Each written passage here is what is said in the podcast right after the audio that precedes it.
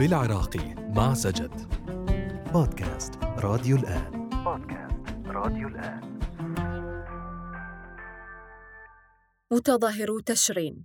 مبعدون من بلدهم بسبب مواقفهم السياسية.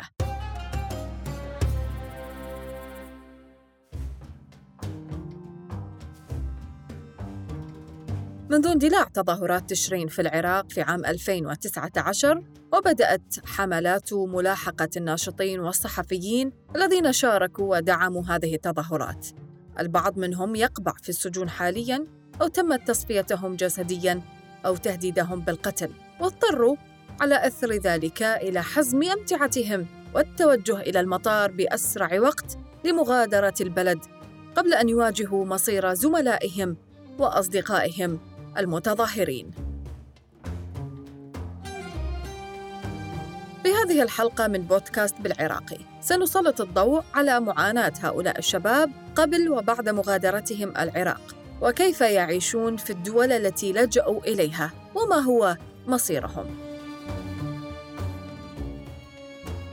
معنا المتظاهر حسن والمعروف بحسن باسكتبول لمعرفة قصته الكاملة. حدثني عن نفسك حسن وعن حياتك قبل مشاركتك بالتظاهرات. أهلا سجد تحية لك ولمستمعينك الكرام. آه، عن نفسي اسمي حسن ماهر. آه، معروف كابتن حسن باسكتبول لاعب آه، منتخب وطني لكرة السلة على الكراسي المتحركة ولاعب لجنة ذيقار حاصل على 40 إنجاز دولي ومحلي في مجال الرياضة ومجال العمل التطوعي. قبل ثورة تشرين أنا كنت أعمل بأحد المطاعم لكن من خلال ثورة تشرين يعني بتواجدي بتشرين أنا خسرت هذا العمل. وأيضا أنا ناشط في مجال حقوق ذوي الإعاقة. ليش شاركت بالتظاهرات؟ ما عندي راتب ما عندي راتب رعاية. يعني أنا ردت أسوي هذا الراتب هسه أنا واحد من الناس تقول ليش شاركت في الكومبتيشن هذا يعني ردت أسويه سووني نسبة العجز مالتي 10% لأنه أنا كنت انشر على على على ال ال ال الأحزاب. وكان اللي متنفذ بهذه الدائرة بالرعاية كان هو من أحد الأحزاب.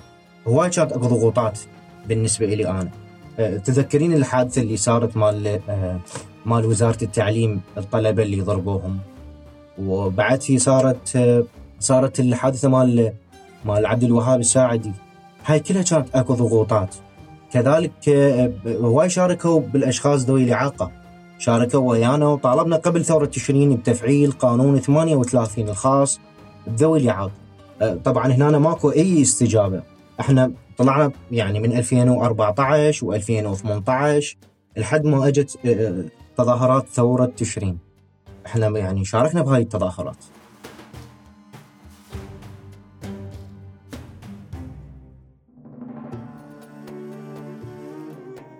قلت تعرضت للتهديدات من الذي هددك؟ وهل عائلتك أيضا تعرضت للتهديد؟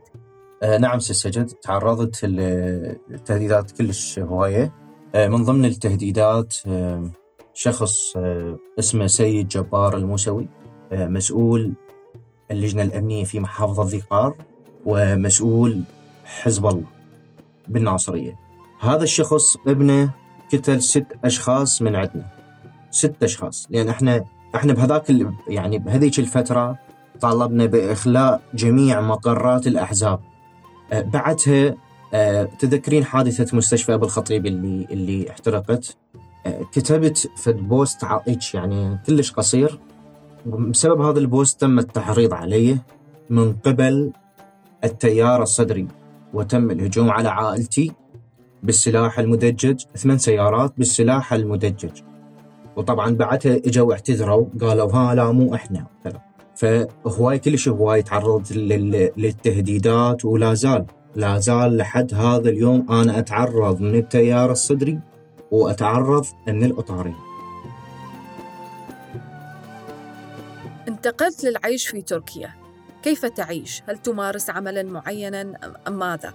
طبعا ما أوصف لك الشعور اللي شلون إحنا عايشين هنا بتركيا آه شلون عشنا معاناة يعني ما تحملناها أبد. مستحيل أحد يتحملها. طبعا أي شغل ما عندي أنا لأن تعرفين أنا آه، من ذوي الإعاقة فمستحيل أحد يعني يقدر يشغلني هنا بالعكس أنا أقدر أشتغل بس يعني ما حد يخليني أشتغل هنا أصلا. يعني ما حد يستقبلني.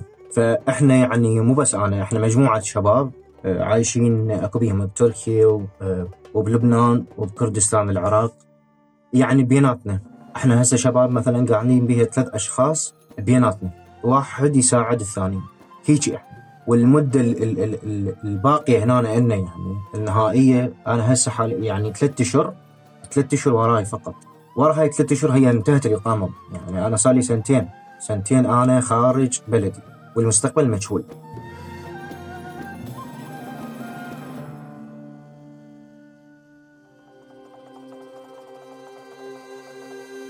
بعد كل ما تعرضت له من مضايقات وتهديدات هل أنت نادم على مشاركتك بالتظاهرات أم لا؟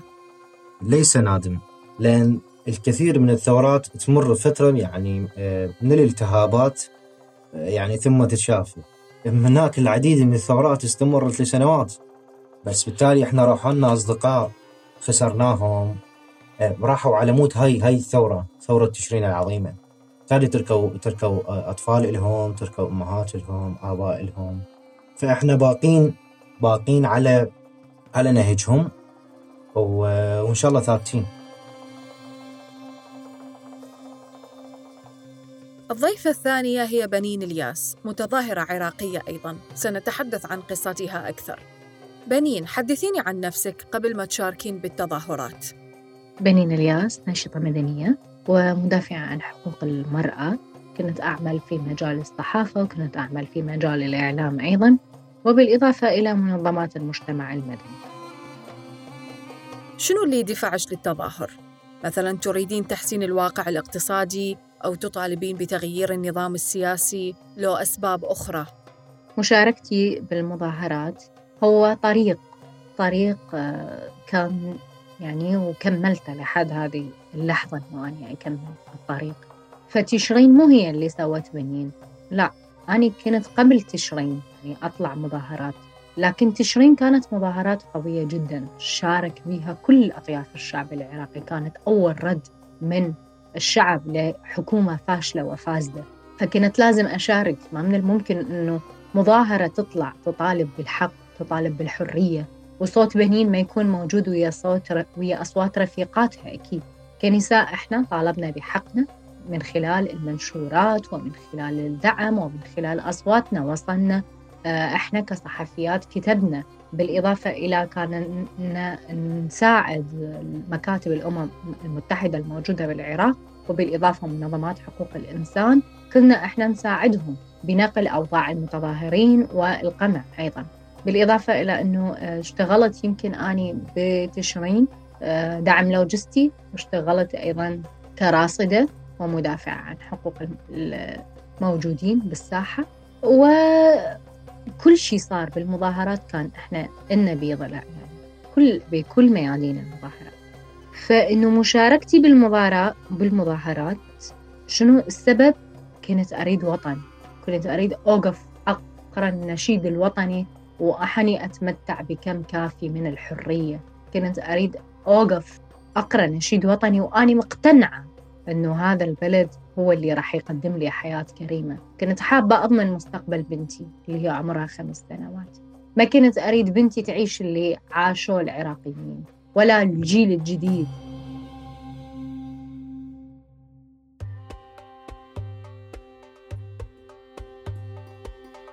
هل تعرضتِ لنفس ما تعرض له حسن من تهديدات بالقتل؟ ومن هي الجهات؟ طبعا أنا تعرضت للتهديد من أكثر من مكان مو من مكان واحد. وكانت التهديدات تجيني حتى على صفحتي الشخصية سواء فيس أو سواء إنستغرام إلى ما الوضع آه، تفاقم. آه، حصلت على هجمة آه، كلش قوية وهذه الهجمة كانت هي التدخل بحياتي الشخصية.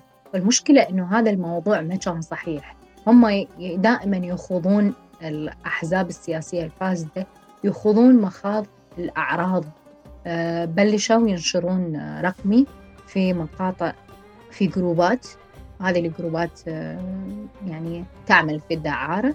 وبالإضافة إلى أنه تم اتهامي أنه أنا على أساس أهلي يردوني يقتلوني. وبدأت تحريضات أول شيء أنه خلوا المجتمع يتحذر من عندنا بالإضافة إلى بثوا أنه بين زملائي وبين أصدقائي آه أنه أني شنو بالله؟ ها أنه أني سمسارة للدولة وأنه أني أكتب. فهم كانوا شكوا واحدة ناشطة يعني ناشطة وقوية بهذا بالتحرير. يبدون يخلقون عليها تهم. هذه التهم كيدية من أجل أنه آه يبعدوها عن الساحة. ما ابتعدت عن الساحة وآخر شيء تعرضت إلى تهديد من جندي الإمام آه، كانت وحدة موجودة حتى التعليقات مالتها. آه، بالإضافة إلى أنه جاني اتصال لأن أنا كنت أعمل في الإعلام. جاني من اتصال إحنا كلش نعرف زين إنه الدولة هي مخترقة من قبل ميليشيات. اجاني اتصال من رجل بالدولة عرف. وخبرني إنه بني لازم تغادرين العراق لأن أنت اسمك موجود ضمن التصفيات فخافي على نفسك.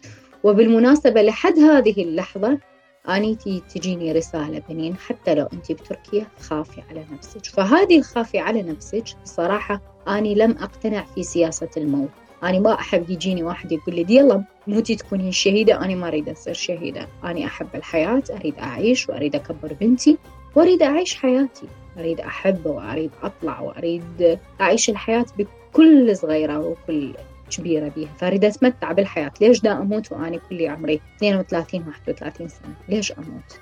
فعلى أثر هذا حفاظا على حياتي وحفاظا على مستقبل بنتي اللي عمرها خمس سنوات اختاريت طريق السفر وسافرت.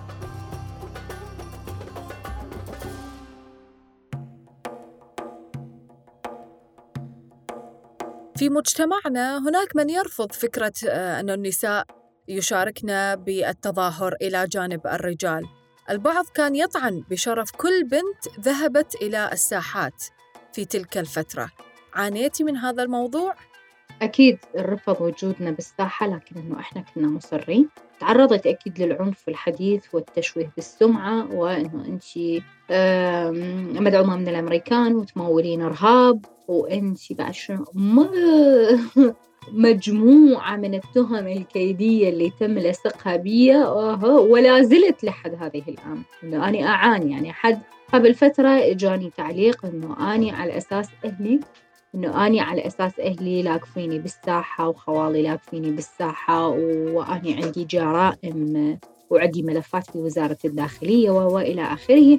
هذا موضوع قديم يعني. إحنا مو من هالساعة مو من أيام تشرين أعاني منه لا لا لا. من بدايتي في دخولي للنشاط المدني ومن بدايتي لدخولي لمنظمات مجتمع مدني ومدافعتي عن حقوق النساء. كان هذا الموضوع موجود لكن بعد مشاركتي في تشرين لا الموضوع صار أكثر تأزم وبالتالي صرت منبوذة من قبل أهلي. يعني أهلي ظلوا ما, يتقبلون موضوع أنه أنا أشارك. فنبذت من كل شيء نبذت من المجتمع ونبذت من أهلي أكيد والحال استمر أنت أيضا سافرتي إلى تركيا كيف تعيشين الآن في هذا البلد؟ هل أنت معيلة لنفسك مادياً أم ماذا؟ هل لديك نية بالعودة إلى العراق؟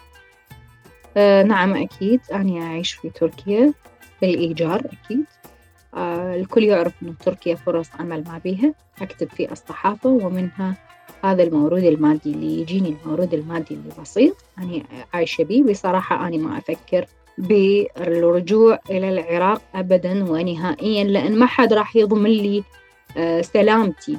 منو راح يضمن لي إنه أنا ما أتعرض؟ يعني إذا ما تتعرضين انت لهجمة من قبل الميليشيات يقتلوش تتعرضين لهجمة للسوشيال ميديا يصير عندك تحريض من قبل الأهل ومن قبل العشيرة ومن قبل فلان ومن قبل فلان. فأنت راح تعيشين بدائرة العنف. العنف إذا ما يقت... إذا إذا ما تنقتلي راح راح نعيش بدائرة العنف. فأنا مالي إني أرجع للعراق في الوضع الحالي آه، لأن يوميا دا أشوف ناشطة يتم اعتقاله ناشطة دا يتم آه، تسويف بسمعتها وإلى آخره فنهائيا ما راح أقدر أرجع للعراق وخصوصا أنه أنا عندي بنية تبلغ من العمر خمس سنوات كلش حريصة على أنه أأمن مستقبلها بصورة أفضل بعد كل ما واجهتيه من حملات طعن وتشهير بحسب كلامك ندمتي على المشاركة بالتظاهرات؟ أبدا ما ندمانة لأن أنا شاركت بالمظاهرات كانت مشاركتي بالمظاهرات بأحلى فترة بحياتي أحلى أحلى فترة في حياتي. فمشاركتي بالمظاهرات كانت فخر إلي وفخر ضاف للسي في مالتي. وما في يوم من الأيام راح أندم بأن إنه أنا شاركت في المظاهرات أبدا. صح أني صرت ضحية وغيري استفاد من الموضوع وغيري تسلق علي وعلى كل المتظاهرين الموجودين في تشرين والبارزين أنا كنت أحد البارزات لكن إنه ما راح أندم نهائيا أبدا. وإذا في يوم من الأيام تعود مظاهرات تشرين راح أكون أول المشاركين بها وأنا أول الداعمين في كل ذكرى سنوية لهذه الانتفاضة اللي مثلتنا مثلت الشباب مثلت صوت الشباب.